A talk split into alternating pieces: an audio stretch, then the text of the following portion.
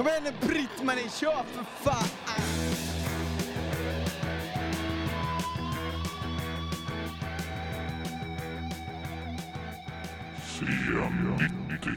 Ja, Niklas, du, du är nog den jag känner som... som Tränar mest. som- Nej, det vet jag inte. Men, men som eh, har mest bandtischer faktiskt.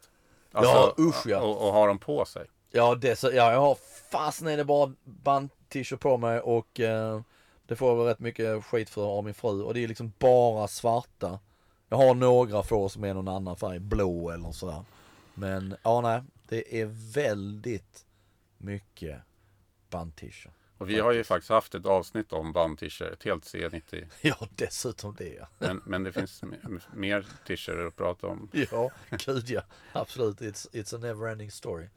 Eh, ja, Nu- Nu säger du att du inte tränar så mycket, men om du skulle träna, skulle du känna att du skulle att du vill ha bandtischer då också? Jo men absolut, det, det skulle helt klart eh, funka. Varför inte? Eh, för att eh, Jo men det ser väl lite mer eh, fräsigt ut med det.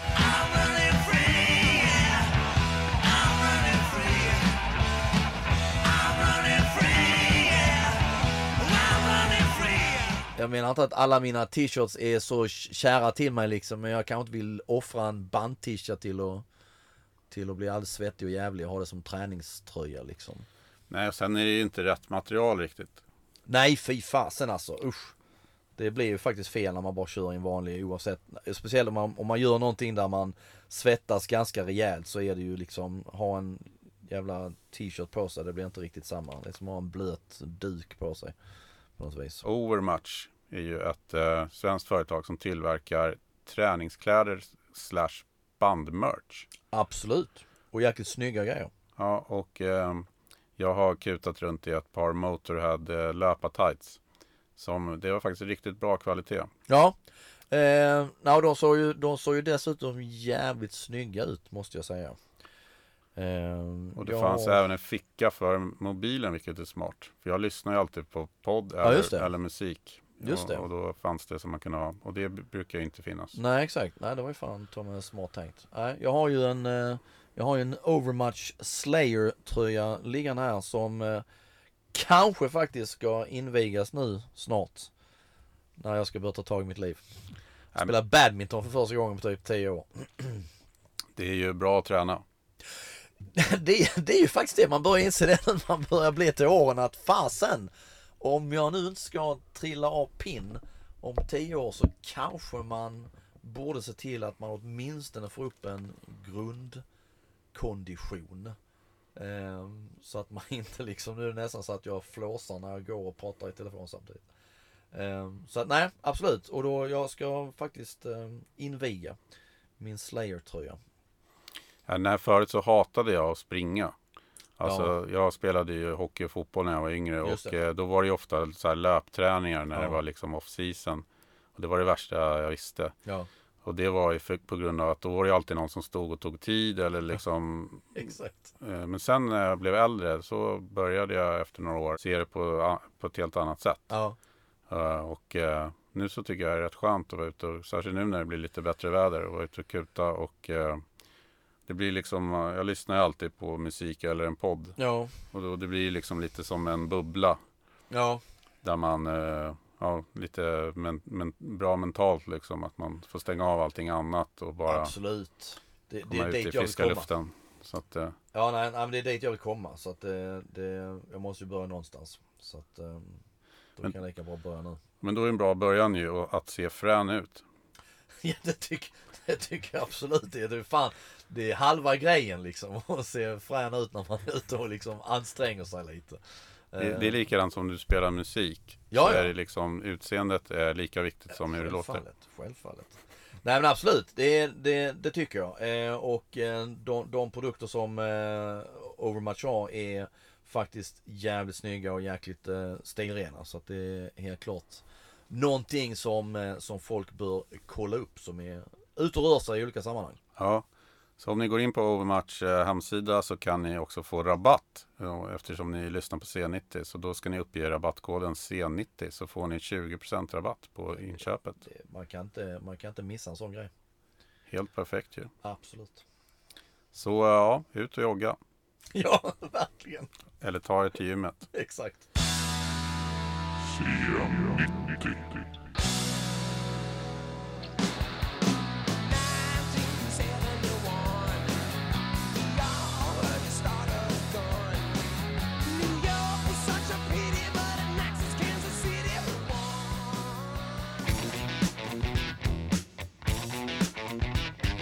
Vet du vilket amerikanskt band som har, eh, amerikanskt rockband som har sålt flest skivor i, i världen? Ehm, nej, är det bandet vi ska snacka om eller? Har de verkligen det? Ja, de, Jaha. har, de har sålt 70 miljoner plattor typ bara i USA. Ja, fan. Och lika mycket, li, ungefär lite fler i resten av världen. Jaha, Så ungefär 150 miljoner skivor. helvete. Starkt. Jag blev lite förvånad. Ja...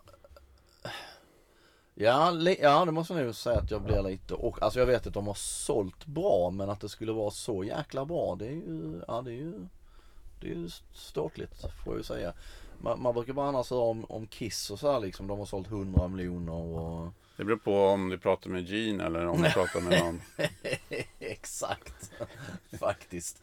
Faktiskt. Han- tjatar alltid det att de har flest, vad är det, de har flest guld Flest guldskivor vad det tror jag. Fler än The Beatles och det stämmer tydligen. Eh, Men sammanlagt så ligger de fortfarande inte i topp med dem. Jaha, de skulle ha sålt så mycket? Ja, det är klart. Men sen när man börjar tänka efter så är det liksom eh, ACDC brukar ju nämnas i sådana här sammanhang och med Back in Black då som har sålt Mm. Ja. så otroligt mycket. Men det, går, det är ju australiensiskt så i övrigt så är det ju liksom Stones, Beatles, Pink Floyd. eh, Alltså, Alltså, Zeppelin har ju också sålt perversa mängder skivor. Ja. Eh, Och i USA också. Eh, men men som amerikanskt band. Ja, ja men det är ju starkt. Men de, klart, Aerosmith är ju också väldigt, för jag tror också det är med Aerosmith att de, de liksom inte, de blev inte så stora här. Om man tänker samma tidsperiod som Kiss.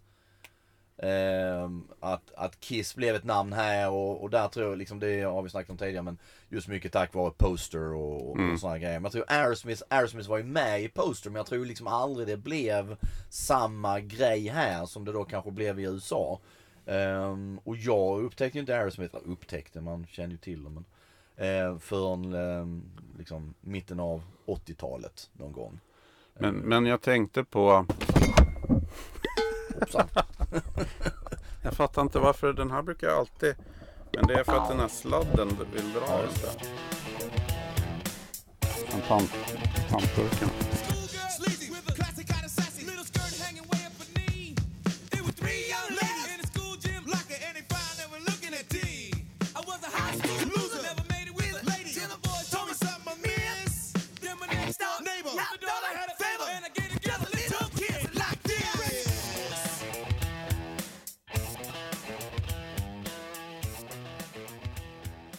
Min del var det ju först eh, typ 86 när de gjorde Walk This Way ihop med Run DMC. Run. DMC. Mm. Ja, men det tror jag, det tror jag nog också. Jag, jag tror det var det som blev att de blev ett, ett namn också utanför USA med den låten. För den kom nog vid helt rätt tillfälle. Och sen då att Permanent Vacation kommer efter det och där är liksom hit efter hit efter hit. Och de, då slår de ju verkligen igenom och blir stora igen efter att ha varit ut ur leken nästan. Så att det stämmer nog bra. Så att där blev de tror jag mer ett namn då i, eller utanför USA och kanske framförallt Europa. Med Run DMC-låten och Permanent Vacation. Medan de i USA tidigare då, om man ser på 70-talet, eh, tidigt 80-tal precis, så hade ju haft en jäkla megakarriär. Och var ju jävligt stora. De var ju där liksom urtypiska amerikanska bandet. Eh, och, och, ja, och så var de från Boston. Ehm, så att eh, det stack väl ut lite där också. Ja, för de, de bildades ju redan 1970 Ja, och eh, nej, det hade man ju ingen aning om då. Utan det var ju som med så många andra band, liksom man fick upptäcka alla bra äldre skivor liksom långt, Ja. långt, långt efter att de hade kommit ut. Som det Aerosmith jag gillar idag, det är ju ett, Nej. annat, det är ett annat, redan med Permanent Vacation som du nämner där så är det ju liksom ett annat band. oh ja. På ett sätt. Ja, ja, absolut. Så att det är lite, ja men det påminner lite om Kiss för min del. Att det är nästan som att det, det är två olika band. Jo men det är det nog. Eh, det får man nog säga, helt klart. Eh, och jag, jag minns det när jag, och jag tänkte på det tidigare då att fasen jag kan sakna, jag kan sakna den där tiden när, när liksom vissa, vissa stora band var nya för dig. Så att du bör liksom jag gick på skivmässor och så letar man efter de där plattorna, säg med då Aerosmith och vad för någonting, för att man skulle upptäcka det då. Och det kan jag sakna den tiden, den liksom där oskuldsfulla vid att hitta någonting och bara upptäcka att fan vad bra det är liksom som när man upptäckte Styx första gångerna och Sweet och alla sådana grejer. Och just med Aerosmith kan jag känna det, men det Jag minns också det när jag för Kiss var man så jäkla inne på redan då. Jag tänker tidigt 80-tal och mitten 80-tal så här. Man fann man hade koll på alla skivor, man hade koll på årtal och sånt där. Och så minns jag det när man liksom, när jag började lyssna på Aerosmith och sen köper första, för, deras första platta. Ehm, och upptäcker då att fasen den är släppt 73, den är alltså släppt året före Kiss släpper sin debutplatta.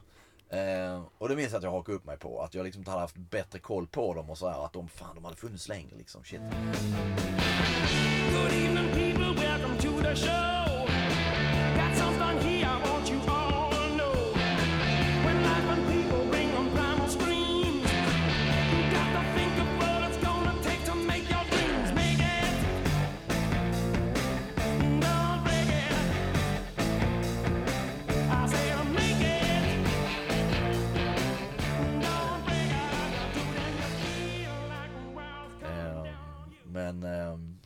Förut har jag för mig att jag köpte den Aerosmith. Jag tror jag köpte den i New York då. 87 när jag var där. Faktiskt. Har ett minne av. Min första Aerosmith-platta som jag köpte var lite av ett, eh, ett misslyckande. Det var, det var nog några år efter Walk This Way hade kommit för att eh, det, det var en CD. Eh, och det var ju på den tiden när man hade börjat köpa CD-skivor. Ja. Den började ta över liksom slutet av 80-talet. Var det väl. Och ehm, då köpte man ju en hel del Best of och Greatest Ja, ja. Hits just bara för att man ville kunna spela Ja.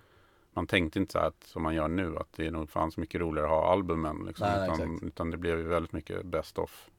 Och, och det var ju också att det, det fanns ju inte alla skivor, album. Nej, nej, nej. Gud nej. Det fanns ju inte på CD ändå. Nej, visst. Och då köpte jag en Greatest Hits, en röd eh, CD-skiva. Otroligt tråkig med så här, det, det är inte ens en bild på bandet.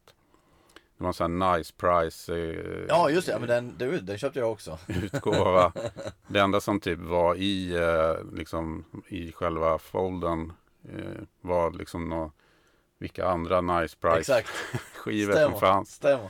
Stämmer. Och så var det typ låtlistan och, och även den var liksom tråkig. Det var så här flera låtar där som jag fortfarande inte gillar och så var det typ så här Come Together och som en cover på Ja. Beatles. Och, ja, det var typ så här Walk This Way, Dream On, Sweet Emotion. Och så. Ja, den var fruktansvärt tråkig och bortsett från, alltså de låtarna är ju jättebra. Men Det är inte Remember Walking in the Sand? Ja. Med på den? Ja, gamla The Shangri-Las, den här tjejgruppen. Den gillar jag stenhårt. Precis, också en cover då. Ja. Så, att, eh, och så det blev liksom ingen bra, eh, bra ingång. Och så dröjde det innan jag köpte. Sen kom ju i och för sig den här um, andra stora vågen. Ja, den började ju med Permanent Vacation Mm. och samarbetet med, Mm. med Desmond Child och, och så ja, just det, på Dude Looks Like a Lady. Och, Exakt. de, eh, och sen kom ju Pump eh, som Ja. spelades och den kom väl typ eh, 89 eller sånt då. Eh, ja, stämmer. Och den var ju under den tiden när man alltid hade MTV på. Mm. Och det spelades ju, framförallt kommer jag ihåg Love in an Elevator och uh, Janie's Got a Gun. Absolut. Eh, Absolut. Speciellt Janis Got a Gun. Eh, Ja. Det var en jävla snygg video till den också för det var en story i den och den var snyggt filmad och så här så att den var lite om Den var jävligt proffsig på något vis. Du som Eh. är bra på film, vet du vem som regisserade Janie's Got a Gun-videon? Fan, det där vet jag att jag har kollat upp någon gång. Samma regissör som sen gjorde Fight Club. Ja, ja, David Fincher. Ja, Just det, och det där var typ hans första stora produ- det. produktion liksom. just det. Så att det var, den var viktig för honom. Kul. Han, David Fincher var dessutom inblandad i eh, Dirty Dancing på något vis, har jag för mig. Jaha. Ja, jävla skumt. Eh, nej, inte Dirt, nej för fan inte Dirty Dancing. Han var inblandad i, eh, eh, vad fan heter den? Jo det har ju med den att göra ju. Patrick Swayzes den, She's Like The Wind, den hitten han hade. Jag Ja. tror det var David Finchers första video. Ah, okej. Jaha, så han gjorde She's den? Like The Wind. Jäkla coolt. Ehm, och då var det ju omöjligt då och ehm, att inte liksom de där låtarna spelades ju vare sig man ville eller inte. Ja, ja. Eh, och då hade jag alltså jag, blev, jag tyckte det var rätt, framförallt tyckte jag den Love in an Elevator var rätt tjatig och den spelades för mycket då. Eh, Love in an Elevator. Och, så att, eh, nej det blev inget, eh, jag blev inget fan då heller riktigt så här utan eh, det, var, det, fanns, det var andra band som lockade mer. Ja, jag, jag blev väl ett fan. ehm, jag minns ju också att jag köpte Doug Grays hits faktiskt, när man säger det. Ehm, jag minns också just det här Nice Price. Men jag köpte ju den, för den kom ju, ehm, den måste ha kommit där omkring eh, 87, 88 så här. För det har jag för mig också jag läste att den, den blev en sån jäkla megasäljare. Den sålde ju i, den tror jag har sålt i 11 miljoner ex någonting sånt där. Och vilket jag tror också är någonting, det där med det, jag tror, jag tror många av dem då såldes i USA. Och jag tror det där med såna här samlingsskivor var någonting som var jävligt stort i USA också. För en av de bäst säljande är ju liksom, eh, det är ju eh, Journeys. Ja, ja men en det vet jag. Och The Eagles, en samlingsskiva som har sålt alltså perversa antal miljoner. Eh, jag tror det är jävligt amerikanskt det där att du köpte en samlingsskiva på något vis. Inte lika stort här i Sverige på något vis. Mm. Men, eh, nej men jag, jag, eh, Aerosmith, jag kommer in på Aerosmith i och med eh, Done With Mirrors. Ja, Eh, just det. Det var lite tidigare där. Ja, och det är, det är 85 och, ehm, och jag, min, minns inte varför, men jag, jag, där tänker jag mig nästan att jag skulle ha läst i Kerrang eller någonting sånt där om Aerosmith och bla bla bla och knark och grejer och skit. Och sen så blir det att jag köper Down With Mirrors och tycker givetvis den är skitbra och det tycker jag fortfarande idag, även om det är ändå en platta som oftast anses vara ganska dålig och de var ju tillbaka. Ehm, och Joe Perry var tillbaka i bandet och de skulle liksom då återförenas och det skulle bli något stort igen men så blev det inte riktigt någonting. Eh, men jag tycker, än idag tycker jag den plattan är fantastisk. Den är jävligt skitig, lite garage i stilen. Eh, de gör en cover på Joe Perrys Look What, ehm, Let the Music Do the Talking.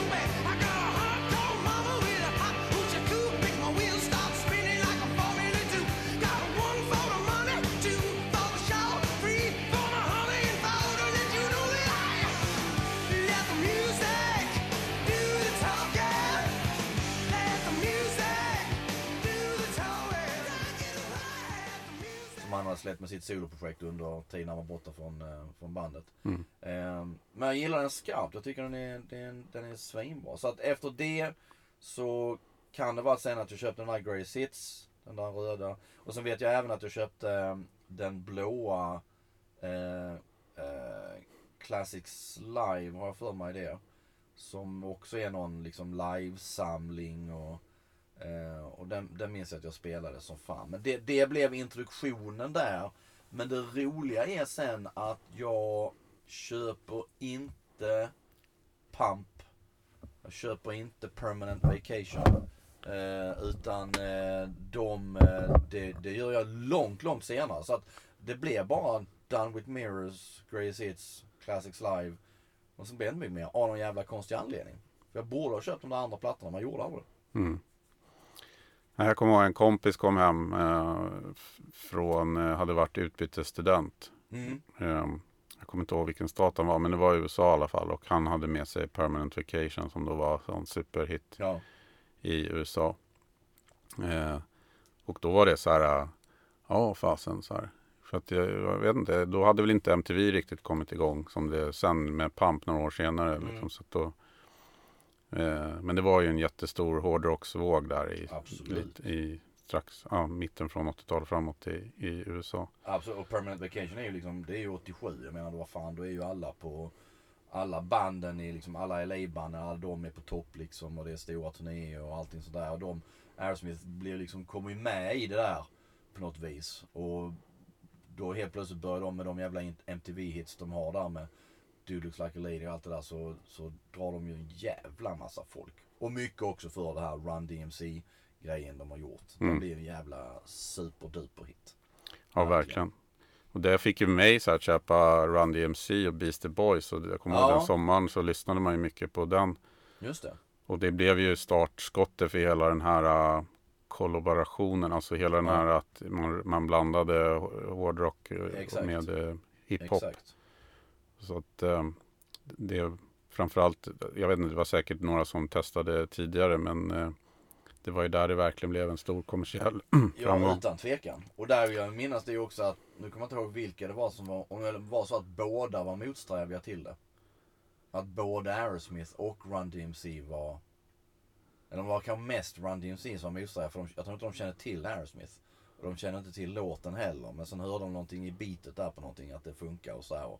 Och, sen blev det en rätt kul video till den och eh, det, det, menar, det, allting hamnade ju helt rätt där. Men jag minns ändå liksom det jag gjorde efter när jag hade köpt Down with Mirrors det så blev det ju istället att jag jag tror sen när, när de andra plattorna kom så var det istället att jag tittade tillbaka så då, då minns jag att jag köpte Draw the Line. Eh, jag minns ändå som sagt att jag köper Aerosmith först vilket jag tror då jag gör i USA 87 när jag är där. Eh, och upptäcker de plattorna och sen då Toys in the Attic och alla de här vilka är fruktansvärt bra plattor. Så att jag var liksom, jag blev mer att jag lyssnade på det tror jag och försökte återupptäcka liksom det gamla Aerosmith i, och blev liksom ganska ointresserad av det som då var det nya Aerosmith. Trots att jag tyckte att alla de låtarna på MTV och allt det där var svinbra. Riktigt jävla bra. Och en grej som jag också tror var viktig där i den eh, ungefär samma tid var ju att eh, Guns N' Roses eh, spelade in Mama Kin Absolut. på Lice. En liveupptagning då som är en, en bra coverversion av den låten från första Aerosmith-plattan. Och, och jag menar, de gör en skitbra version av den. Aerosmiths original är en svinbra låt. Eh, första plattan är helt makalös. Eh, och där har jag den, det, den, den, den, den, som ham, den platt, låt som hamnade på flest band, blandband på den tiden, det var ju One Way Street.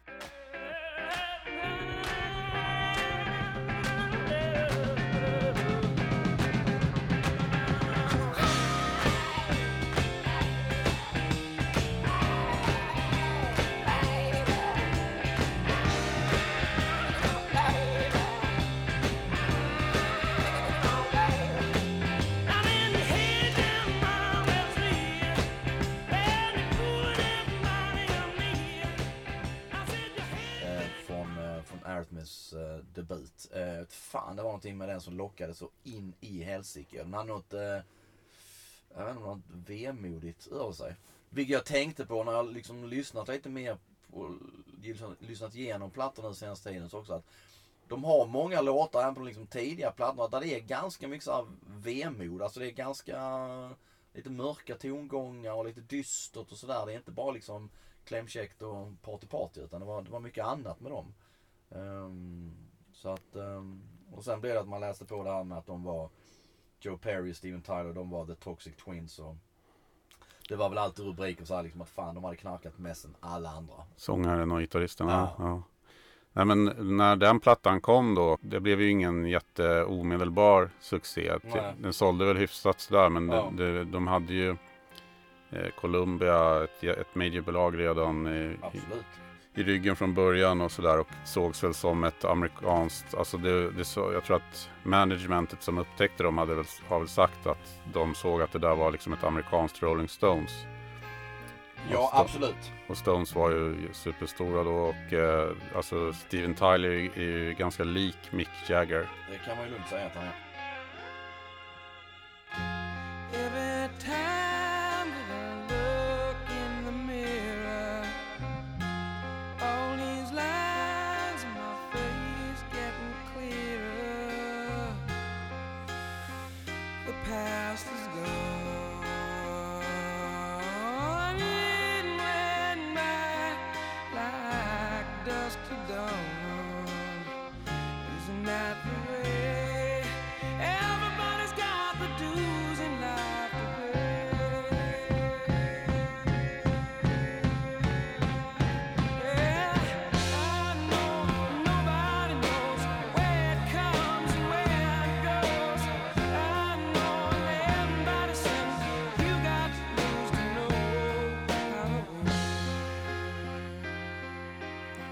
Fanns väl förhoppningar om att det skulle hända grejer ännu tidigare än det gjorde då. Men eh, det, efter han så har, det, så har det sagts bland annat att Columbia då släppte Bruce Springsteens eh, debutplatta samtidigt och att de satsade mer på den. Och att så här, man hittar, man har, det är mycket efter konstruktionen sådär. Ja. Men de hade ju den låten då, ehm, eh, en av Aerosmiths eh, största låtar, balladen Dream On, Absolut. Som är med på den. Eh, och den släppte man ju på singel Ja. och eh, hade väl förhoppningar. Men det hände ju inte så mycket som man hade trott att det, att det, att det, att det skulle göra då.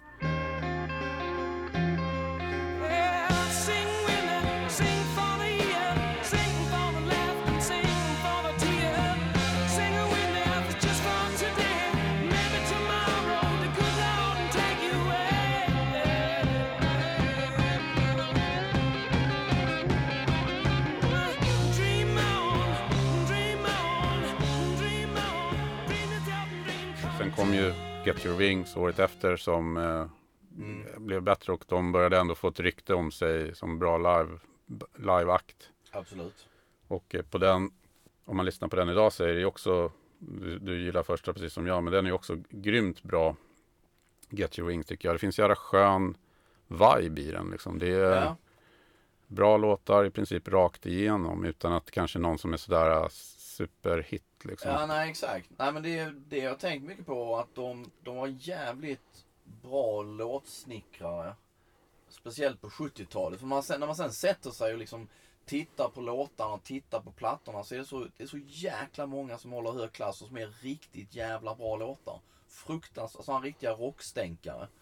Eh, som håller lika bra idag så att säga.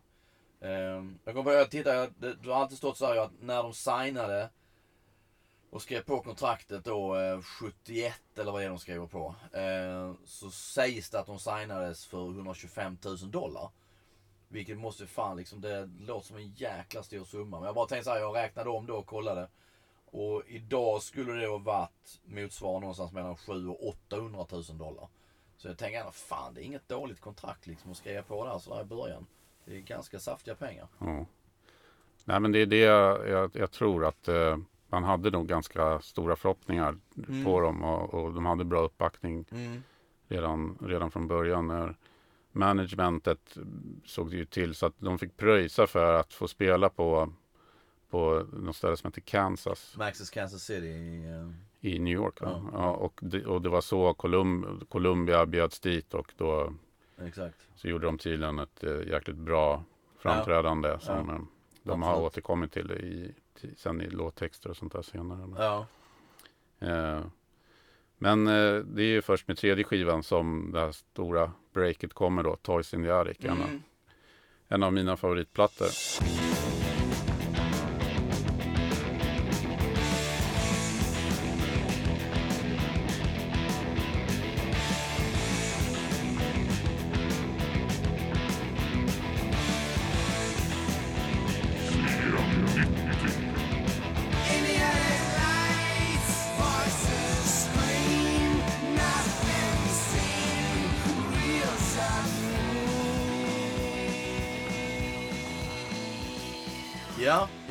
Alltså den, jag skulle säga hela den 70-talskatalogen är, är outstanding. Och det var när jag hörde den låten, titelspåret där, som inleder Toys in the Attic. Det Ja. var då jag verkligen så här fastnade. Och då fattade man vilket bra band Aerosmith var på 70-talet.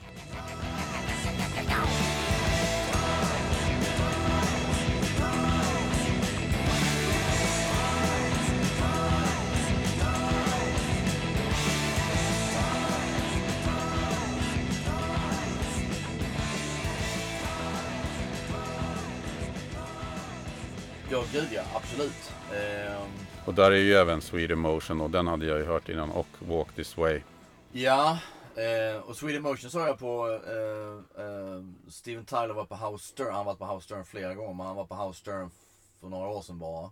Som är den senaste. Då pratar han just om det, för då, då sätter de på den låten och han blir så här, åh, lyssna, lyssna! Och då är det liksom, i början så är den här eh, eh, ett instrument som, han säger vad det heter, någonting med vib vib bra vib vibrator någonting. Men det låter precis som en sån här skallorm. Så här.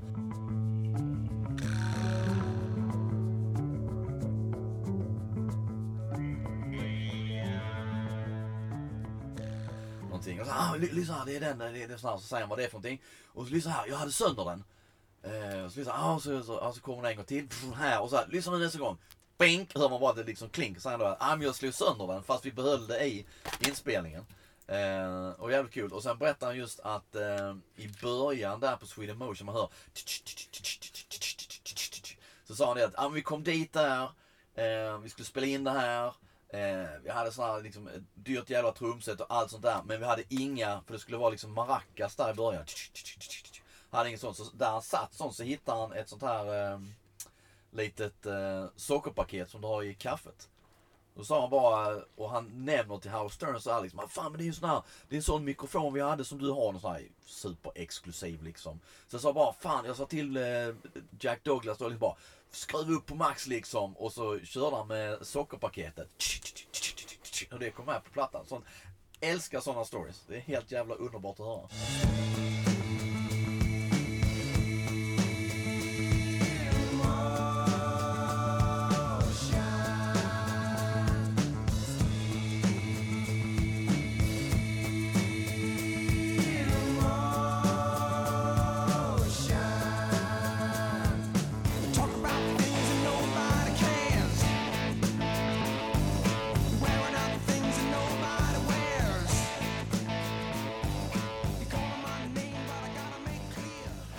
Jack Douglas som du nämnde där, han är ju väldigt viktig som så ofta är med så stora band att eh, det, man hittar en producent som verkligen kan. och han, han, är- han är ju med från andra plattan tror jag, Get Your Ja, det Wings. stämmer nog. Stämmer nog. Och sen producerar han ju fyra plattor tror jag eller något sånt. Ja, han, är, han är med bara, dem ja. ganska Ja. på större delen av 70-talsproduktionen. Och han eh, kunde ju verkligen, alltså han tog ju soundet ett steg till. Det blev liksom lite skarpare på något sätt eh, om man jämför med debuten där som har sin charm. Men man hör att är liksom ett band som fortfarande letar lite efter sitt. Absolut. Men jag det, det tycker jag också är helt klart det här när man, du nämnde ju Guns N' Roses tidigare. Att, ehm, och det tycker jag, lyssnar man på de här första Aerosmith-plattorna då, de här på 70-talet. Så, så är det liksom väldigt tydligt att Guns N' Roses var jävligt, vilket de har hävdat själva och många igen, att de var jäkligt influerade. Och det tycker jag liksom att det kan man verkligen höra framförallt på Appetite for Destruction. Att Verkligen. Även om det är skitiga och råa på något vis så finns det ändå något, liksom, något Aerosmith groove Ja. i låtarna. Så att det, det förstår man att det är ett band som har betytt mycket. Rocket Queen till exempel, sista Ja, låten ja, på Appetite. Där har man alltså. mycket partier som är Absolut. Absolut. nästan så här hämtade men lite så här sk- skruvade liksom. Alltså om, Ja. omgjorda. Men man kan verkligen höra Aerosmith i det. Jag vet ju också att jag, jag tror många när jag tittar nu på de här titlarna och minns när jag köpte då av de här plattorna så blev det också att jag lärde mig liksom så här uttryck. Jag tror när jag lä, läste liksom Toys in the Attic första gången så visste jag inte vad Attic var. Utan jag fick ta reda på då, okej det är vinden på något vis. Så här, liksom. Men är det ett uttryck i USA för typ så här Ja. något som är kasserat eller? Ja, jag, jag, ja, jag vet. Ja, det skulle kunna vara. Jag vet faktiskt inte. Ehm, men det skulle det kunna vara. Att det är någon sån här. För det, det är samma jag vet sen när jag köpte eh, eh, Draw the line var också någonting. När man liksom, jag fick väl lista ut vad, okay, vad var det för någonting. Och sen långt senare så var det här, den eh, eh, Night in the Ruts. Och jag vet att jag satt liksom här, okej ruts, rut liksom. Okej, okay, Okej vad fan kan det vara? Det är väl liksom något, något ruttet kanske så här, bla bla bla. Och sen var det liksom, jag långt senare. Där jag läste någonstans att det var ju liksom bara så att man hade kastat om bokstäverna. Istället för right in the nuts så blev det night in the ruts. Precis som Cunning Stunts med, Ja. med Metallica. Men det liksom kopplar jag långt senare. Eh, lite kul ordlek som så. Jag minns också att jag läste eller hörde han eh, Steven Tyler berättade om Sweden Motion att det var ju också då att han var han och Joe Perry och de bodde tillsammans i en lägenhet. Och så var liksom, de skrev och så här och så skrev de låtar och så bara Fan det här är liksom, fan vad bra det här liksom, det funkar liksom. Vi, vi bor här, vi, fan vi skriver låtar tillsammans, fan det här kommer bli skitbra liksom. Och då, då, två veckor efter det så drar sen Joe Perry och eh, vad heter det, flyttar in till sin flickvän som då hette Alissa tror jag vad fan det var. Och det är det Sweet Emotion handlar om. Att Steven Tyler blir så jävla besviken. Och eh, mycket också på kanske Alyssa som någon form av Yoko Ono där som ska splittra liksom. Det var ju inställd på att de skulle bo tillsammans. genomgående mycket tjafs med när flickvännerna och, och även fruar blev väl, eh, var inblandade ju med alla. Ja, men fast jag tänker också, det är ju det, är ju det klassiska. Det är ju precis som när man, man, man liksom var i, eh, om man tänker gymnasieåldern och därefter. Och så någon, liksom, någon bra polare träffar någon flickvän och spenderar bara all jävla tid med flickvännen. Då liksom minns man, det var väl samma tankar som gick då. Liksom, fan jävla svikare. Fan, ska bara sitta hemma och mysa liksom när vi kan gå ut och kröka någonting så. Ja. Så att, och när i, en bandsituation så är det väl är det väl liknande kanske då om den ene tycker att fan nu ska vi vara kreativa och sådär. Så hänger du bara med din tjej liksom. Det är ju inte så jävla Ja. allt. Nej men det var ju anmärkningsvärt hur mycket plats liksom flickvännerna fick ta och påverka liksom som Ja. gjorde att skapa de här spänningarna hela tiden. Som, Ja. Men det, det, det fun- kreativt så funkade det ju fortfarande trots allt eh, liksom inna, eller intag av droger och det så här på något sätt. Ja, och jag minns det, en, en kul story är den med, eh, hon heter ju Bibi Buell eller Buell vad hon nu heter. Hon var ju sån här känd groupie på den tiden. Hon var ju tillsammans med Steven Tyler. Hon var även tillsammans med Todd Rundgren. Mm. Och dottern då, Liv Tyler. Så är det ju väldigt lång tid innan hon hon, det blir hela tiden liksom så här, jag tror Liv Tyler också, att det blir liksom så här på något vis. Det blir aldrig uttaget utan det antas bara att Todd Rundgren är pappan. Och sen är det väl när, eh, och då är ju liksom, eh, vad heter det, då blir det sen att för senare väl tror jag Liv Tyler också berättat när hon sen liksom väl möter Steven Tyler. Så är det så jävla uppenbart vem det är som är den riktiga pappan egentligen. Det är liksom end of the discussion. Men Ja, exakt. det, jag såg någon bild där också på mam, mamman då och eh, Todd Rundgren och så Ja. när Liv Tyler när hon kanske är fyra år. Och Ja. Man ser det där är ju liksom Steven Tylers Ja, dotter. ja, absolut. Det, liksom, det finns inte en chans att det skulle vara någonting annat. Eh, så att det är så jättetydligt. Men ja, ja. Det, jag minns inte vad anledningen var. Att, att hon inte berättade. Jag vet inte om det var att Steven Tyler då var just liksom att han var fucked up för tillfället med droger och så här, liksom. Men det, Ja men jag tror det. Att, Ja. Och att det var ju, hon var ju ihop med Todd. Men hade liksom, men Ja. ja. Ja, det är rock'n'roll rakt av det. Helt sick alltså. Shit. Men den blir ju en superkommersiell eh, framgång då, Toys in the Attic. Mm. Alltså, Den har sålt typ 8 miljoner ex eller något sånt där till Ja. idag. Ja. Och, eh, och där, där får de ju då det första jättestora genombrottet och blir liksom ett arenaband. Och, Ja. Jag undrar om det är då för att de, jag undrar inte om de live, om det är den turnén för jag har för mig att de live hade liksom som en, eh, eh, som en neonskylt som stod Aerosmith i ganska så här rundade bokstäver som liksom var eh, som en backdrop. Ja, fan undrar inte det var denna, om det kan varit där omkring liksom. Eh, så var ju lite så här Kiss feeling på så vis. Så jävligt snyggt ut i alla fall. och så på, på, inom, på kort tid så släpper man då ytterligare ett, en platta. Rocks. Ja.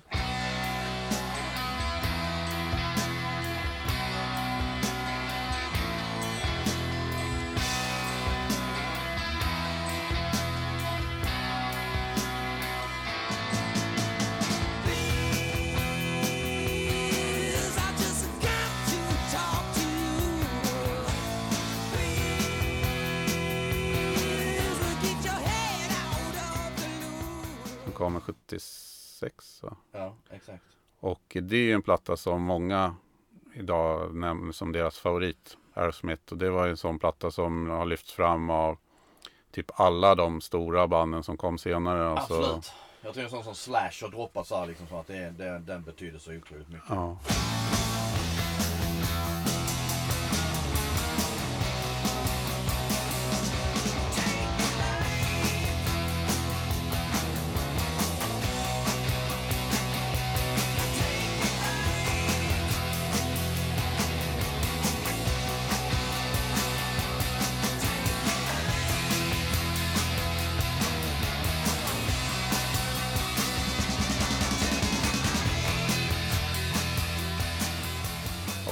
Håller ju formen. Jag personligen har ju skitsvårt för de två första låtarna där. Alltså Back in the Saddle tycker jag är skitjobbig. Nej. Det tyckte jag för första gången jag hörde den.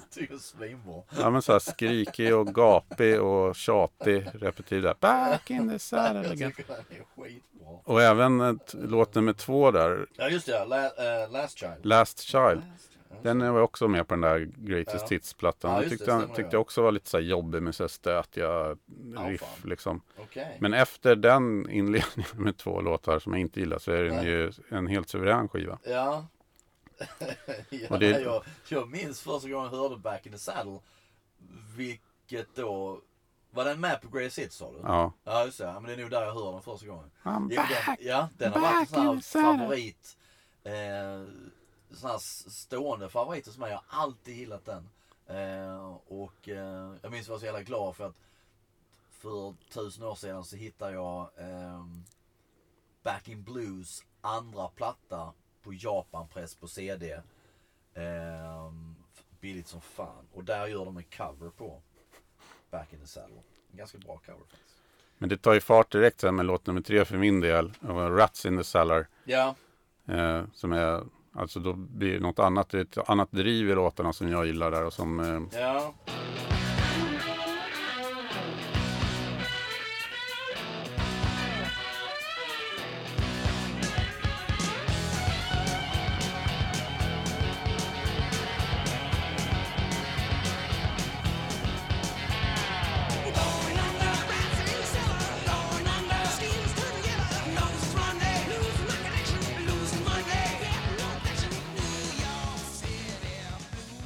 Är lite kul med för Rat, gruppen Rat. Ja, Deras debut eh, fullängdare heter ju Out of the Cellar. exakt. Och det är ju en tydlig blinkning Ja, liksom ja. till, till Aerosmith. Ja, för tror jag, fan, Rat tror jag också var som band som där man kan se eh, och som de själva hävdade att Aerosmith var en stor influens. För att. Rat hade också ett, liksom ett, de hade ganska tungt sound ändå och liksom och något liksom så här bluesaktigt som även Aerosmith har liksom i grunden på något vis. Ja, men däremot kanske inte Rats musik på samma sätt som Guns. Liksom. Nej, nej inte, inte helt liksom. Och, och, men som sagt att just att Rat när man Jag älskar ju Rat, lyssnar fan rätt ofta på Rat liksom. Men det jag slås ofta av är att de, de var faktiskt ganska tunga i sitt sound jämfört med många band från, från samma era liksom. Så att, eh,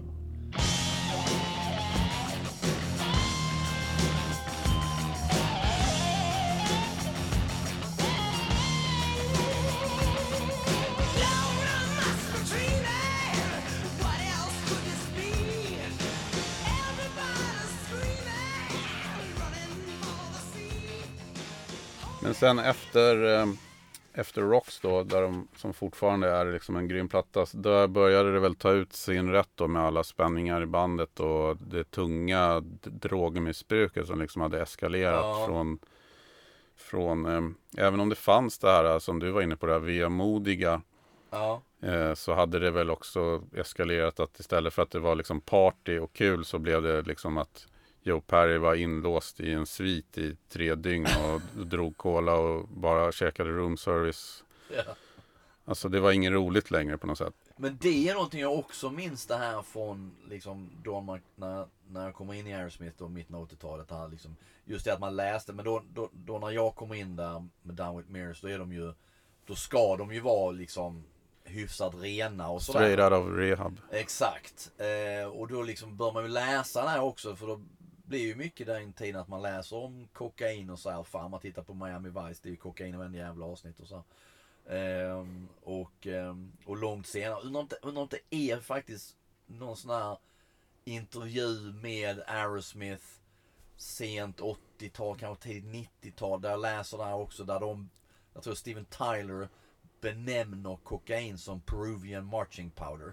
Ehm, och han ska ha sagt, det stod på Wikipedia också, att Steven Tyler ska ha sagt ah, men jag, jag, snorta, jag har snortat upp fan var, 63 miljoner dollar.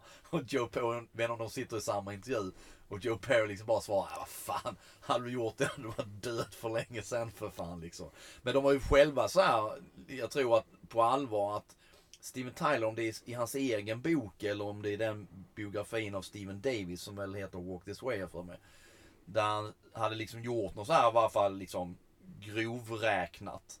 Att det var ju x antal miljoner dollar som faktiskt gått rakt upp i näsan. Mm. Eh, och på annat skit liksom de sysslade med. Så att, Men sen tror jag det blir det här klassiska syndromet när du blir så fruktansvärt framgångsrik. Alltså du säger 8 miljoner, ja det gjorde du inte på en gång men de Nej. sålde ju kanske 4 miljoner plattor då, av Toys in the Attic Mm. under ganska kort tid där. Att du slutar kanske ens att tänka på pengar. Ja, ja, ja. Jag minns att jag länge cirkulerade en story som faktiskt eh, och det är nog någon gång så här tidigt 2000-tal jag läste om den första gången, om det kan vara ett classic rock-konsert. Att det var en så här, liksom, som en sån här myt just om Aerosmith, att de vid ett tillfälle så liksom Steven Tyler så, han har liksom dragit i sig allt möjligt skit, så han är så jävla borta, hela bandet är borta så här. Att de går på scen, men så, så öppnar de med den låten som de brukade avsluta med i vanliga fall. Vilket får Steven Tyler liksom att känna att när lå- låten är klar så går han av scen för han tror att hela giget är klart. Eh, och det lät ju som så här, fan. Man tänker så här, ja, alltså i hela bandet liksom helt jävla bara kört koks och skit så, så ja, det skulle ju absolut kunna ha hänt. Sen har ju den blivit liksom förklarat att det var ju bara någon som hittade på den där storyn. Men det var väl också kanske lite som, som hittade på den för att förklara jävla illa där han det var liksom. Eh, men det är ju en jävla kul story. Så. För 70, 1977 kom ju Draw the Line och den blir ju inte lika bra som de Rocks Nej, fast den har också en, en av mina favoritlåtar, eh, Kings and Queens.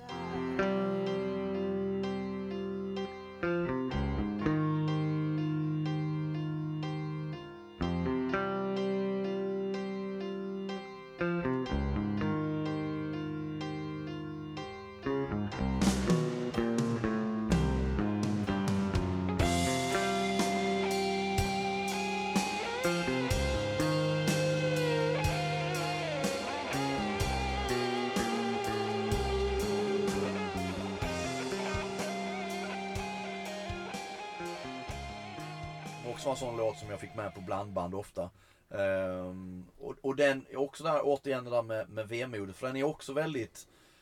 Melodin liksom är väldigt dyster och vemodig. Den, den har något jävligt snyggt i sig.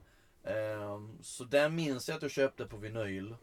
Uh, och liksom spelade om och om igen på den tiden man verkligen lyssnade på skivor. Så att den, den, um, då var det ändå så här, men då återigen det där liksom det här med att upptäcka grejer så blev det ju också på något vis att mycket av det du köpte då upptäckte så det blev ju bra. Mm. Lite också, fan du hade ju ingenting annat att lyssna på. Man hade liksom Nej. 17 LP liksom. Mm. Och då blev kanske man tvingade sig och att man, man lyssnade väldigt intensivt på det. Men jag minns ändå att jag tycker den, liksom, den plattan är helt okej. Den är ju absolut inte dålig.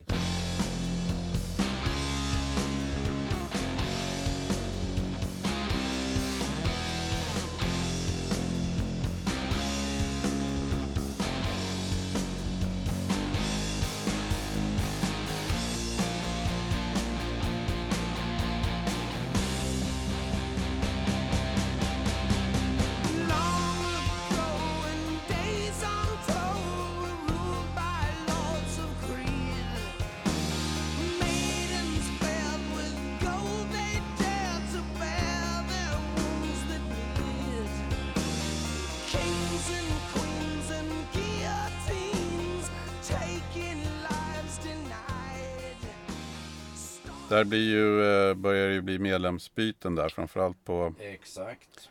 The Line är ju fortfarande Då är det alla. Ja, men Night in the Ruts då hinner ju, eller då, då skiter det sig med Joe Perry och Exakt. Steven Tyler.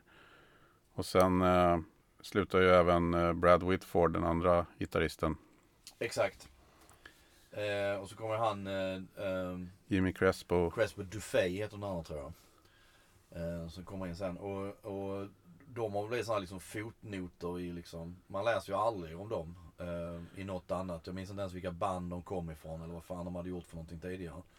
Ehm, Det finns ju några videos eh, från eh, Mm. In Ruts där, där Crespo är med ja, och spelar. Och, eh, Ja. fast jag för mig han såg jävligt cool ut. Han passade in i bandet. Han såg liksom ut som en jävla riktig rocker. ja, Och, absolut. och, och, m- men de, just eh, Rockin' a Hard Place.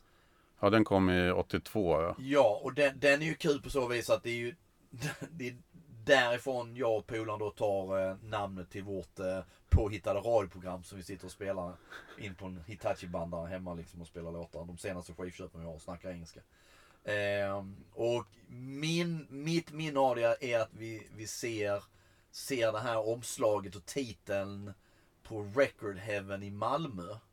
Eh, någon gång då, typ kanske det var 86, 87 någonting. Eh, och sen frågar polaren då Micke om liksom, fan stämmer det? Liksom, ja det kan stämma. Och sen så Sen började han dilla om att ah, vi kan ha sett det i en tidning någonstans. Så här, typ baksidan på K eller någonting sånt där. Men det, det blev ju av någon konstig anledning namnet på vårt, vårt radioprogram. Och just det långt senare så liksom kopplar jag att det heter inte det heter ju inte Rock in a hard place. Det, det vanliga uttrycket i engelska är ju att du är stuck between a rock and Ja. a hard place. Eh, vilket även är en, eh, är en jävligt bra Stones-låt på Steel Wheels-plattan. Också Between a rock and a hard Exakt, place. är jävligt bra låt alltså. Fan. Eh, nej men det, det är och där minns jag också det här med vårt jävla Rock in a Hard Place. Att Aerosmith var ju också så här. I och med att man då kanske hade, jag hade 17 plattor och han hade 19 plattor och så var det dem och så senaste skivköpen, Poison och sådär. Så vi, vi spelade fan bra soldater. Men där, där minns jag också att vi spelade, jag har för mig vi spelade just Train Kept a Rollin'. Hade ingen aning om då att det var en cover. Um, och liksom körde väl andra. Vi, vi minns att vi körde mängder med låtar från Done With Mirrors och, och sådär. Så att, ehm, nej. det, fan vad jävla kul tid det där. Jag skulle ha kvar de här banden. Men, men den eh, plattan är väl den kanske som är eh, det största misslyckandet där. För att eh, den gör ju väldigt lite väsen av sig. Och då, Ja den är nog väldigt, och jag vet alltså jag minns, jag har nog någon gång så här liksom på nu Spotify-tiden kollat upp den och lyssnat på den, men jag minns då liksom, nej. Och jag tror också att, att när man fick reda på, på den tiden, fick reda på att ah, Joe Perry är inte med och han Brad är inte med heller, liksom bara, ah fan det är några andra snubbar, nej då, nej då köper jag någonting annat istället. Av någon konstig anledning. Rick Delay var med på den. Ja just det. Ehm, så att, nej jag, den har jag faktiskt aldrig uh, satt mig in i. Det borde man kanske göra. Eller, men eh, sen eh, tar det ju då några år. Innan dess har ju, ja det tar i och för sig tre år från eh, Night in the Ruts till Rock in a Hard Place. Ja, Som, som kommer 1982 då. Men, ja och sen tre år till Down with Mirrors. mm. Ehm, Och Down with Mirrors måste jag säga att den, det, skiv, det är en bra, jag håller med om att det är en bra skiva. Men det var inte så lyckat skivomslag. nej du säger det, det säger polaren också. det var så jävla fult. Jag tycker inte det.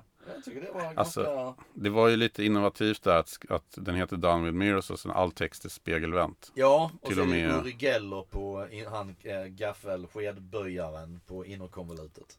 Men det kändes ju så här. Nu, okej, det var bara tre år, men den, den, den, det skulle ju vara någon form av comeback för Ja. eh, Oh ja. alla, alla medlemmarna Ja, var med igen. Och signade med Geffen där ju och liksom. Ja, och, och eh, Joe Perry var med och Brad Whitford var med. Och då, att då göra ett så anonymt, alltså det kunde ju ha varit vilket band som helst eller en samlingsskiva eller någonting, Ja. kanske var lite dumt. Ja. För att det, den, den är ju, alltså det är, det är svårt bara att se att det är en Aerosmith med tanke på att allt är spegelvänt Ja, ja, absolut. absolut. Eh, och, och sen när jag lyssnar på den så är den ju som sagt, alltså jag gillar den men det är också där att då den som vi har diskuterat tusen gånger tidigare, den där brottningsmatchen med om det är liksom då det är nostalgi ju för att jag minns verkligen det för att det var min första Aerosmith-platta. Jag köpte den på Skave City i Helsingborg. Hos den sura snubben som alltid stod där. Ehm, och, och, och tror efter att det må, jag måste ha hört på Rockbox eller någonting sånt där. Att han kört någon låt eller så här, vet fan. Ehm, men att jag verkligen, jag verkligen tycker om och jag tycker om den idag. Det är ju ärligt talat det är en av de Aerosmith-plattor jag lyssnar mest på. Men det är ju också, jag känner ju varje gång jag lyssnar på den att jag, vom så är jag tillbaka Ja. vid den tidpunkten, jag är 15 bast och, eller 16 bast eller vad säger jag, 14 bast vad fan är. Ehm, och allt det här om man upptäcker nya plattor så här. Men jag tycker verkligen att det är jäkligt, jäkligt bra låtar. Ehm, och, My Fist Your Face. ah, fy fan, så jävla bra låt.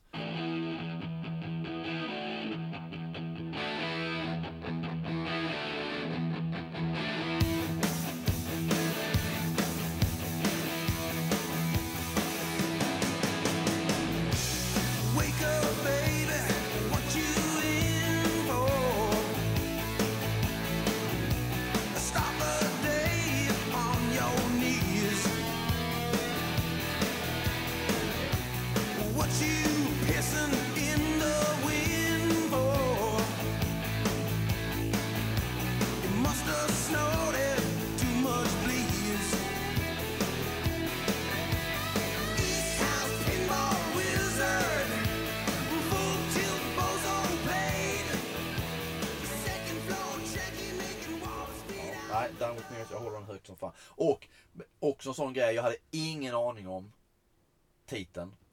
Koppla inte titeln och sen var det här med han Uri Geller, skedböjaren på insidan, liksom fattar fan ingenting. Förrän senare så här att säga någon intervju och läser någonting och fan det är att Done with Mirrors är, är väl, vill jag minnas då, är en syftning på att du oftast hackar upp kokainet på en spegel så som gör i alla Miami Vice avsnitt liksom.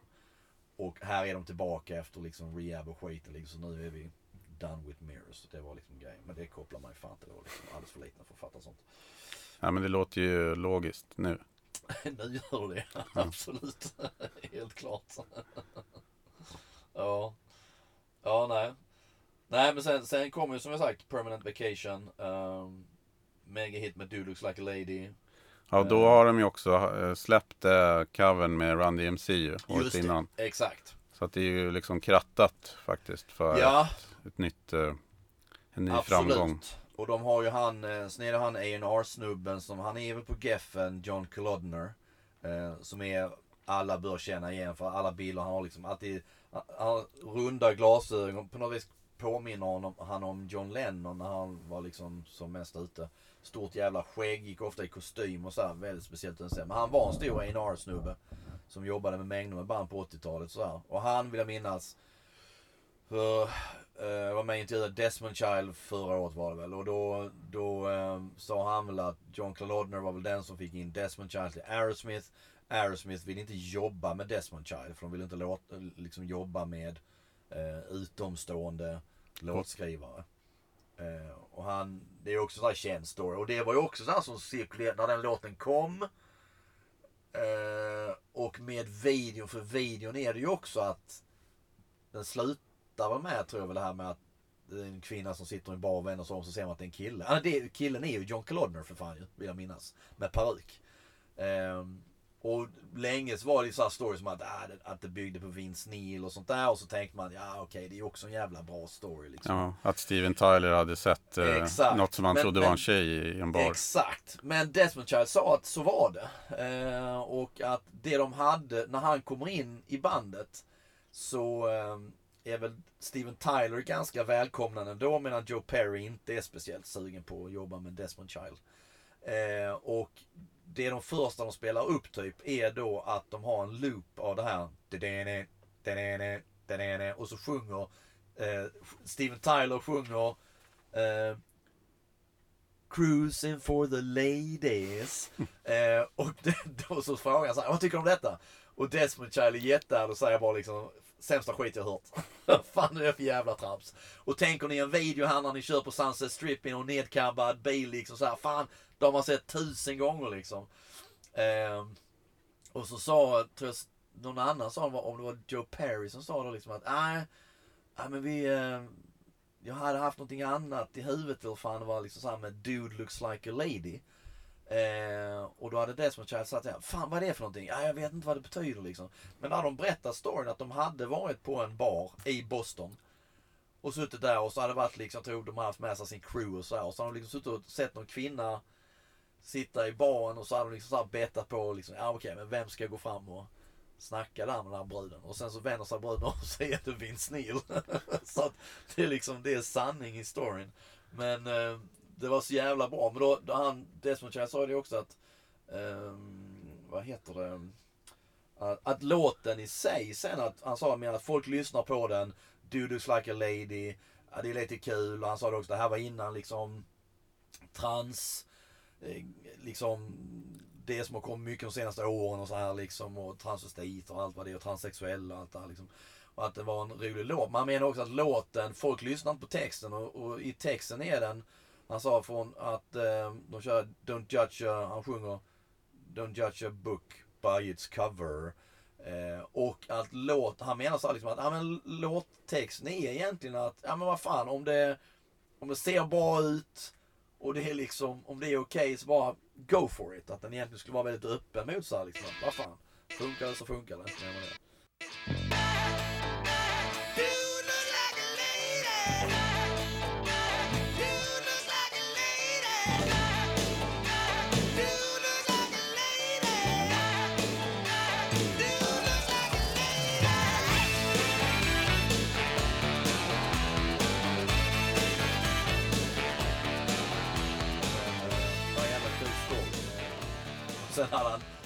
Att han hade, han hade haft någon jävla snubbe som jobbade på, han har ett ställe i Nashville, Desmondshire, och så hade han jobbat, han hade någon snubbe som jobbade på hans hus och sagt att ah, det är du! Det är du som eh, gjorde den där, eh, eh, vad fan var det nu? Do a naked lady, trodde att han sjöng. För att det lät nog bättre i hans, menar Desmond också, det lät nog bättre i hans tankar att det var Do a naked lady och inte Dude looks like a lady. Mm. Men, eh, nej men den blev en jävla megahit. Eh, hela den plattan. Mm. Eh, De följer upp där med Ragdoll och eh, Angel. Som, eh, just det. eh, Angel är väl kanske den första balladen där som minner om vad som sen ska Ja, komma Faktiskt. och bli inflation i, i, från Aerosmith. Ja, fy fan alltså. Jag läser ju också att eh, Steven Tyler har varit just med det där med att jobba med utomstående. För jag tror hon, eh, tror det är hon Holly Knight. Eller om det är Diane Warren. Jag tror det är Holly Knight. Det är också med och skriver på Permanent Vacation. Och då blir han skitförbannad tydligen för att hon fick eh, låtcredit på Ragdoll. För att hon bara bytte ut ett ord. Den heter någonting annat, mm, doll. Jag kommer inte ihåg vad det är. Och så har hon, hennes liksom grej har varit att bara byta ut ett ord och då fick hon låtcredit för det. Det var en jävligt stor tydligen, liksom. Och, och där blir de ju, vilket sen eh, blir det ännu mer markant i, med Pump 1989 då, ett MTV-band. Ja, verkligen. Så all, liksom, allt de släpper blir ju high rotation. Ja. Eh, ja, absolut. Och, och sen ännu mer kanske med Get a Grip 93. Mm. Ehm, men ja, men som du sa där med, med, och med, med Angel. ehm, Men den, den kan jag ändå tycka liksom att det är mer som en hårdrocks powerballad. Sen så blev ju alla balladerna så lika varandra. Det kändes som de hade hittat, precis som Scorpions, sitt eh, säljande balladkoncept där.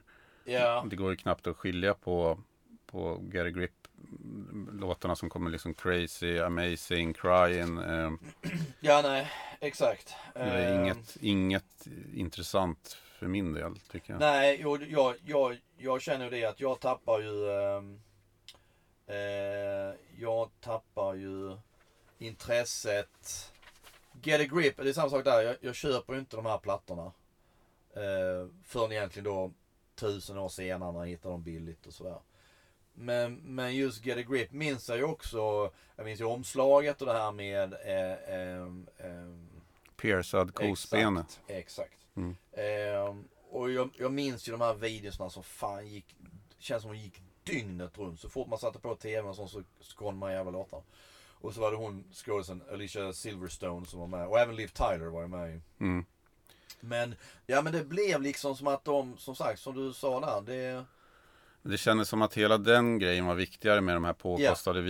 videorna. Man hade hittat där med att hon var med i, Ja. i flera av dem och hoppade Exakt. bungee, ju- bungee jump med någon så här, eh, det var lite så här tidstypiskt, det var mycket piercing grejer och sånt. Exakt, ja. Gud ja. Jag kommer ihåg när Get the Grip skulle släppas så, så skrev jag, jag tror att det var för Heavy Mental, Ja, ja, ja. en tidning som fanns det. under några år, som var renodlad hårdrockstidning. ja. Och då, det var ju innan man, det skickades ut länkar och sånt där. Eh, det fanns ju inte då, så att då fick jag, eller det fanns väl, men det var väl för att det inte skulle spridas. Jag väntar nu, a Grip, nej det fanns 93, inte. Nej. ingen. Eh, så att jag fick åka till skivbolaget. Ja, okej. Och så fick jag komma dit, jag kommer ihåg att jag fick så här en Coca-Cola. och det var, det var inte så här någon så här grupp, att det, som det annars kan ha varit, att det är så här Ja, grupper nej, som jag vet nej. att Metallica haft och Ja, sånt där. Utan det var bara jag vid den tiden och så Okej. kom någon från skivbolaget och tog emot och så fick jag sitta ensam liksom i ett konferensrum Och dricka cola. och dricka den där Coca-Colan. Och så fick jag liksom ett anteckningsblock och, Okej. som konferenscenter och så fick jag lyssna på skivan en gång från start till slut liksom. Ja, ja, Och så skulle jag göra en Ja. recension utav det. The good old days liksom. Ja, det var ju värdelöst liksom. eh, så att eh, det var konstigt. Ja, ja.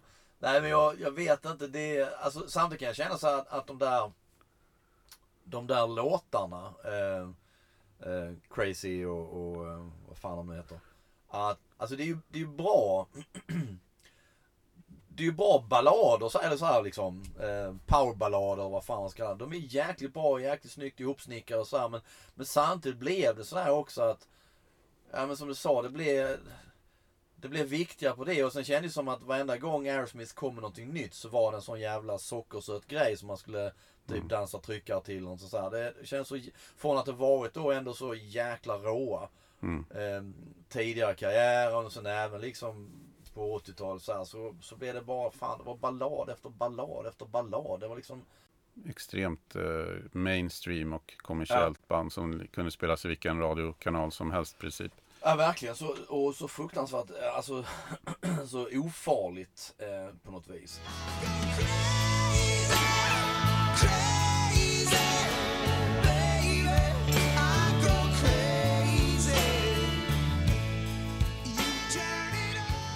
Och det är samma sen när de, när de får den där jävla, vilket är deras, som jag förstått det, deras enda etta då, den här um, Don't wanna miss a thing. Och det är också så här som till uh?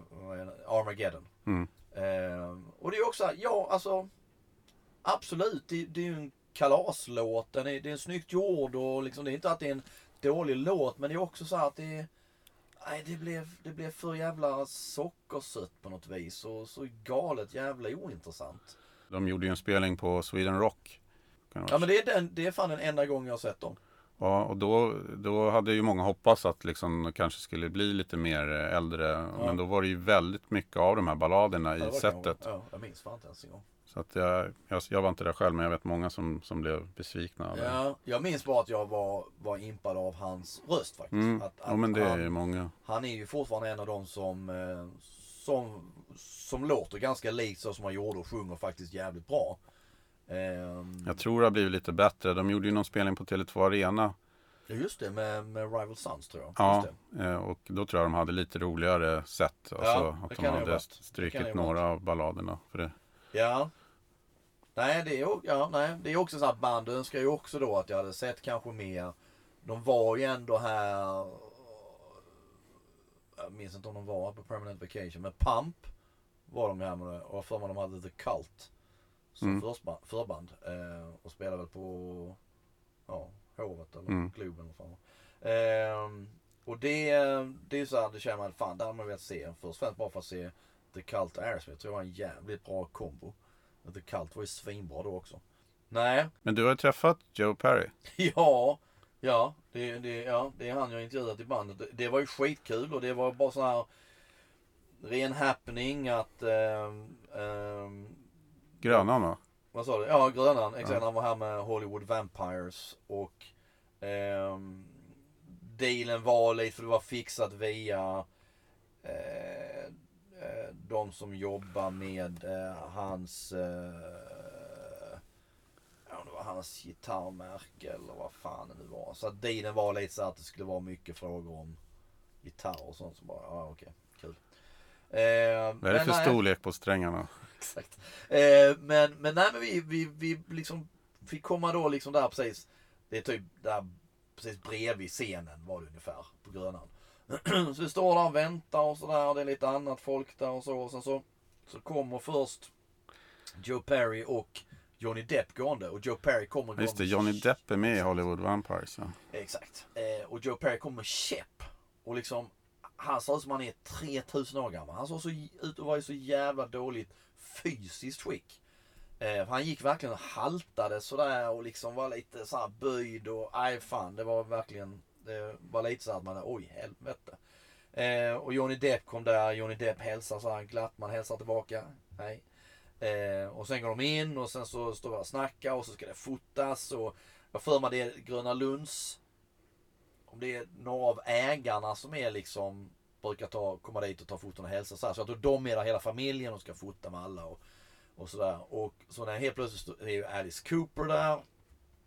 Och, eh, och Joe Perry och, eh, och Johnny Depp där och de går runt där bla. Precis innan detta hinner jag dessutom träffa Matt Sorum och, och ta en bild med honom vilket var jävligt kul. Eh, men eh, Nej, så just vi kommer där så kommer han, det var dessutom fixat via Joe Perrys gitarrtekniker som han haft jävligt länge tydligen. Vi snackar med honom så här och han står och håller eh, Perrys gitarr och så här, okej så säger han till Joe, ah det är, de här, det är han här som ska göra intervju med. Oh, cool. eh, men så blir det i alla fall att vi står där bredvid den här jävla, vad fan heter den? Eh, Uppskjutet. Fritt fall, fritt fall Ja, fritt fall, ja. Så den är bakgrunden så man hör på inspelningen bara liksom folk tjuter bakgrunden. Bara, "Oh." Men kör intervju där, vi fick snacka, jag fick snacka med honom kanske i en kvart eller någonting sådär. Eh, och just då vill jag minnas att det var att, då hade det varit massa strul med Steven Tyler ju. Men det var då att han hade fallit av en scen eller vad fan det var. Sen blev han ju liksom hooked på painkillers igen eller vad fan, något skit var det. Så jag frågade i alla fall lite såhär slutet vi pratade om. Fick väl in lite om att skriva låtar så här, om att det kunde bli någonting mer med Aerosmith. Och han sa då att ja men det var väl inte omöjligt att de skulle kunna spela in en platta och sånt där. Men, men det var jävligt kul att snacka med honom. Eh, han var hur trevlig som helst, jävligt sympatisk. Eh, och så här, och, nej men det var jävligt kul. Joe Perry är ändå fan en gitarrlegend. Får man säga. Eh, så det var kul att liksom ha fått snacka med honom. Eh, sen kunde man velat snacka om tusen andra grejer och så här, men vad fan, det var roligt. Att, Joe ja. Perry var ju en av dem, eh, tillsammans kanske med Keith Richards, som eh, lanserade den här väldigt coola Ja. stilen som Absolut. väldigt många sen tog efter. Som, Ja. som har tagit mycket av hans Ja, och- tillbakalutade det Exakt, här. eh, och sen liksom ser lite nonchalant Ja. ut på något vis i sitt spelande och sådär. Så att, sen har han ju Steven Tyler som tar upp allt jävla strålkastarljus där är liksom. Det, Ja, men han lyckas ju ändå på något sätt bli väldigt eh, sedd om man ska säga. Ja. Lite som Slash. ja, men, men Steven Tyler har ju speciellt... alltså- Ace Frehley har samma stil. Absolut, oh ja, oh ja. Eh, Steven Tyler har ju liksom alltid sett, och speciellt på 70-talet så här, menar, det blir de här läpparna, den här gigantiska munnen han har. Eh, man såg ju alltid jävligt cool ut. Men liksom de senaste de senaste tio åren så vet jag inte hur många sådana jävla memes Mm. jag har sett med Steven Tyler. Liksom, han står så här, uh, when you're out with your grandma och så här liksom att han Alltså ibland ser han ju bara helt jävla galen ut med sitt hår och det, han har konstiga glasögon. Så att många gånger så är det verkligen, fan han ser ut som en sån här gammal jävla fotbollsmamma liksom. Det är något helt, eh, nej fan väldigt speciell. Och jag tror han är väldigt speciell som, som människa. Men jag vet han är liksom så här, han, han öppnar upp någon sån här, tror jag, om han donerar en sån här, något sån här kvinnohus som det var i Boston och fan var för utsatta kvinnor och så här grejer. Och, han, han, samtidigt verkar han vara en fruktansvärt cool människa som har äckligt mycket energi. Mm. Eh, det var liksom på intervjuer på honom, liksom, vad fan käften går i ett liksom. Eh, en jävla kul grej, har du sett det? Det finns en här serien som heter American Pickers. De som går och rotar så här gamla garage och skit och så hittar de grejer som ska sälja med. Och eh, där var det ett avsnitt där de är hos någon jävla snubbe som visar att han har deras gamla turnébuss. Stående på sina marker. Och det ser ut som en sån gammal, jävla gammal glassbil. De var inte större än en glassbil liksom. Och sen så blir det att de får verkligen bekräftat att det här är, det här är Aerosmith. Och det står, det står Aerosmith på den. Ful logga. Eh, det här är deras gamla som de brukade ha och köra med typ när de kanske hade sådana här weekend gigs runt Boston någonting sånt där. Och sen blir det att de, eh, de restaurerar den och fixar den och sen så eh, blir den ju att den hamnar på en, som en, att den står som en utställningsbil när Aerosmith körde sitt sån här Vegas eh, residency när de spelar där. Så att hela bandet där kollar och det finns några klipp man kan se att de står och pratar om och de säger liksom Fan det ser exakt likadant ut och minns du det här jävla äckliga golvet och allt det här skiten. Jävligt coolt. Jävligt coolt.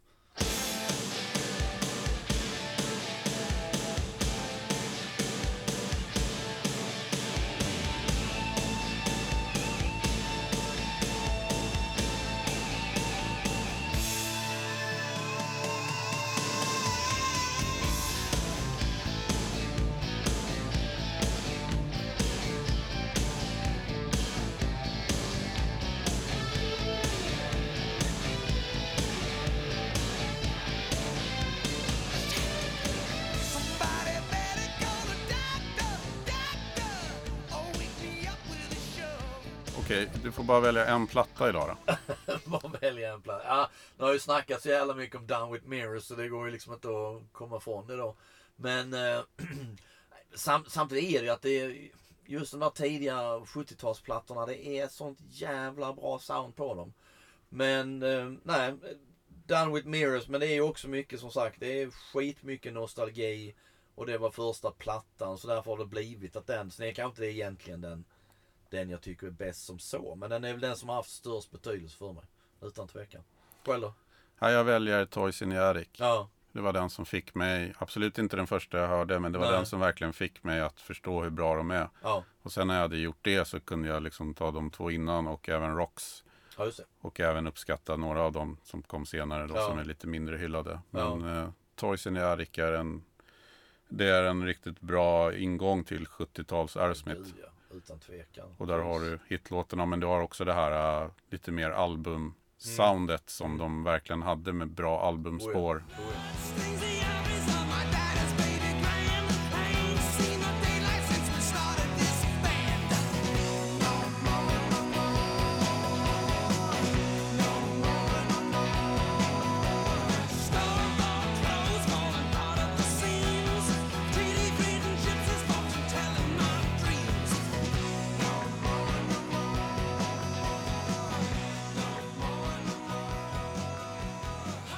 lyssnat på det 88 avsnittet av C90-podden med mig David Bogerius och Niklas Müller Hansen. Om ni går in på Overmatch EU för att kolla in träningskläderna som vi pratade om i början av programmet så glöm inte rabattkoden C90 för 20% rabatt. Och glöm heller inte att följa C90-podden på Instagram och Facebook.